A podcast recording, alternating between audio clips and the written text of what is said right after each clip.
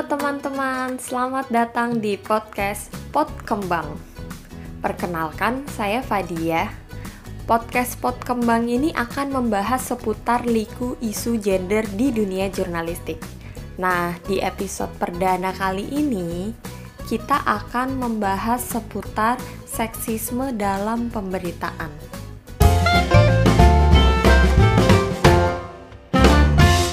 Sebelum jauh-jauh ngebahas soal pemberitaan, sebetulnya apa sih seksisme itu? Seksisme itu adalah bentuk diskriminasi atau prasangka berbasis seks atau gender tertentu. Nah, di dalamnya itu termasuk penggunaan kata atau frasa yang meremehkan individu berdasarkan gender atau seks mereka. Terus kalau seksisme dalam pemberitaan gimana dong? Seksisme dalam pemberitaan itu terjadi saat ada produk berita, baik itu bentuknya tulisan, audio, atau visual, yang mengandung unsur kata atau frasa yang merendahkan tadi. Apalagi kalau tujuannya itu demi mengejar clickbait atau umpan klik. Aduh, gak banget deh. Hmm, tapi kayak gimana sih contohnya pemberitaan yang ngumbar seksisme? Ada nih situs berita yang belum lama ini kena omel banyak netizen. Inisialnya V, belakangnya Iva, atau kita sebut aja Viva kali ya. Produknya itu menempatkan tubuh atlet sebagai objek hiburan berdasarkan identitas gender mereka. Sebenarnya itu berita olahraga yang lagi bahas soal prestasi atlet tersebut Eh, yang disorot malah pose dan pakaian atletnya, dan tujuannya untuk objek hiburan. Belum lagi mereka menggunakan ungkapan seperti foto seksi, bikin ngilu, atau pembulu tangkis cantik. Nah, berita-berita semacam ini tuh masuk kategori seksis sih. Selain itu ada contoh lagi gak sih? Banyak di antaranya nih, kalau pembaca nemuin pemberitaan seperti pose menggoda si A atau menggunakan kata menggagahi dalam kasus pemerkosaan. Nah, ini termasuk seksisme. Penggunaan kata-kata semacam ini sering dilakuin untuk mengumbar gairah dalam tayangan berita supaya pembacanya makin banyak Gak hanya seksis, penggunaan kata semacam ini juga bisa memperhalus atau menormalisasi masalah kekerasan seksual loh. Berita kayak gini juga tentu saja turut menyuburkan kultur yang dekat dengan pandangan masyarakat yang emang udah seksi saat ini. Terus ada gak sih aturan yang melarang pemberitaan semacam ini? Ada dong, jawabannya ada. Praktik semacam ini ngelanggar kode etik jurnalistik yang diatur dalam Peraturan Dewan Pers Nomor 6 Tahun 2008 dan Undang-Undang Pers Nomor 40 Tahun 1999. Karena pemberitaan yang mengandung seksisme ini melanggar pasal 8 Kode Etik Jurnalistik yang berbunyi wartawan Indonesia tidak menulis atau menyiarkan berita berdasarkan prasangka atau diskriminasi terhadap seseorang atas dasar perbedaan suku, ras, warna kulit, agama, jenis kelamin, dan bahasa, serta tidak merendahkan martabat orang lemah, miskin, sakit, cacat jiwa, atau cacat jasmani. Gregetan gak sih? Kenapa kalau udah ada aturannya tapi industri media tetap seneng banget ngeproduksi berita-berita semacam ini? Jadi berita semacam ini itu memiliki nilai komersial untuk media, khususnya media online.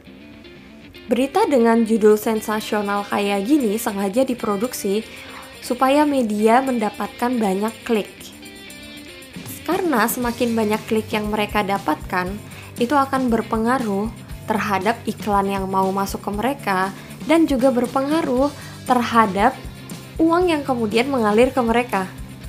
kemunculan tulisan seksisme seperti ini juga dipengaruhi sama pasar. Jadi media melihat pasar untuk tahu berita macam apa yang akan banyak yang mengklik. Nah, emang yang dimaksud pasar itu apa sih? Pasar itu merujuk ke target pembaca dari sebuah media. Ya siapa lagi kalau bukan kita-kita ini?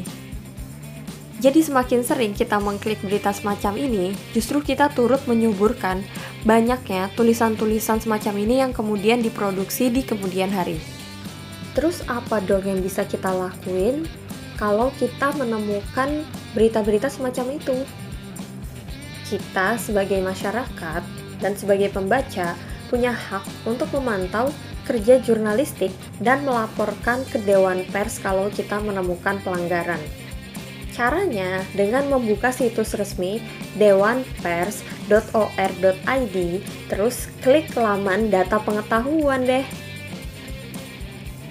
Nah, terus kita jangan sampai malah menyerang pribadi wartawannya ya. Misalnya, kita malah ngebully dan menyebarkan informasi pribadi penulis atau wartawan dari media tersebut. Lagian ya, setiap berita yang tayang itu harusnya udah ngelewatin keputusan di ruang redaksi.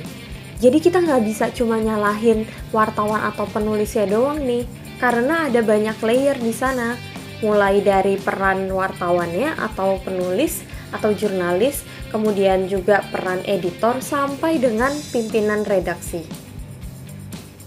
Jadi ya, ini bukan masalah di wartawannya aja, tapi ya sistem media online aja yang emang masih amburadul. Nah, gimana nih kalau media online yang melakukan praktik seksisme ini tiba-tiba malah mencabut beritanya setelah dihujat publik? Hmm, praktek pencabutan itu sebenarnya diatur dalam pedoman pemberitaan media cyber dan kode etik jurnalistik. Jadi kalau berdasarkan pedoman pemberitaan media cyber, pencabutan berita wajib menyertakan alasan yang diumumkan kepada publik. Berita yang sudah dipublikasikan boleh dicabut jika terkait masalah diskriminasi berdasarkan suku, agama, ras, dan antar golongan atau SARA. Kemudian juga masalah kesusilaan, masalah masa depan anak, pengalaman traumatis korban, atau pertimbangan khusus lain yang ditetapkan oleh Dewan Pers. Kalau di pasal 10 Kode Etik Jurnalistik, itu juga mengatur bahwa media harus menyampaikan permintaan maaf kepada pembaca pendengar atau pemirsa jika mencabut, meralat, atau memperbaiki berita yang keliru.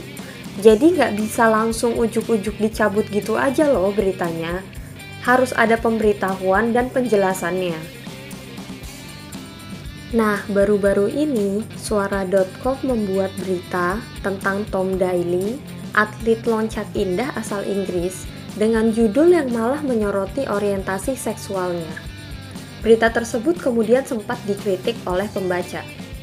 Nah, setelah itu, tim redaksi suara.com mengakui kekeliruannya, lalu juga meralat dan memperbaiki beritanya. Redaksi suara.com juga menyertakan catatan terkait penyuntingan ulang lengkap dengan keterangan waktunya, serta mengakui bahwa ada protes dari pembaca. Permohonan maaf disampaikan dalam catatan redaksi. Nah, apa yang dilakukan suara.com ini adalah contoh dari profesionalisme tim redaksi yang mengikuti aturan berdasarkan kode etik jurnalistik dan pedoman pemberitaan media cyber dalam pencabutan berita. Jadi teman-teman, seksisme itu bukan sesuatu yang pantas buat jadi bahan bercandaan atau lucu-lucuan ya. Karena pada dasarnya seksisme itu bentuk diskriminasi yang bertentangan dengan nilai kemanusiaan. Mari kita mulai melihat manusia satu sama lain tanpa meletakkan prasangka berdasarkan identitasnya. Sampai bertemu di episode podcast kami selanjutnya.